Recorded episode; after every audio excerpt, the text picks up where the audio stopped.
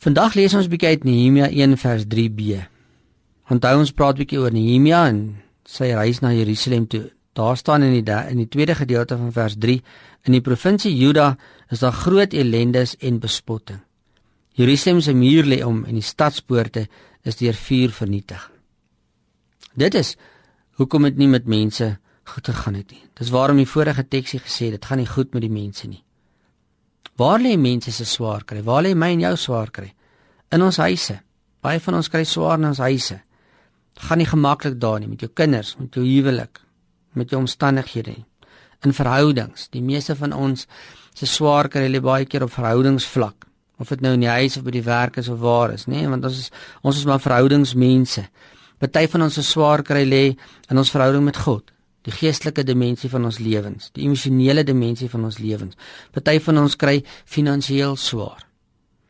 Ek kan nie vanmôre alles opnoem nie, maar die feit is net mense kry swaar. En dis wat hierdie teksie wou sê in die B gedeelte. Die Jode kry swaar, Jerusalem se mure lê om en die stadspoorte is vernietig. Hoe lyk dit in my en jou lewe? Jou mure lê ook baie keer onderste bo. En dan weet ek en jy ook nie meer wat te kan toe nie. Dis hoe hulle situasie was. Sulke omstandighede maak partymal dat ons nie eens in God se teenwoordigheid kan glo nie. Ons sukkel om te glo wat nou van hom te ervaar. En dan weet ons sommer net goedkoop raad werk nie hier nie. In ons swaar kry het ons nie mense se goedkoop raad nodig nie. Ek dink wat ons tot nou al gehoor het, ons het iemand nodig wat vra, hoe gaan dit? Ons het iemand nodig wat wat sommer net belangstel en wat weet dit kan maar party daar in iemand se lewe nie goed gaan nie.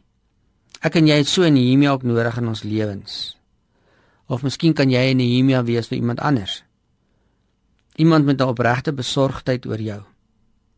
Iemand oor wie jy opregte besorgdheid kan hê.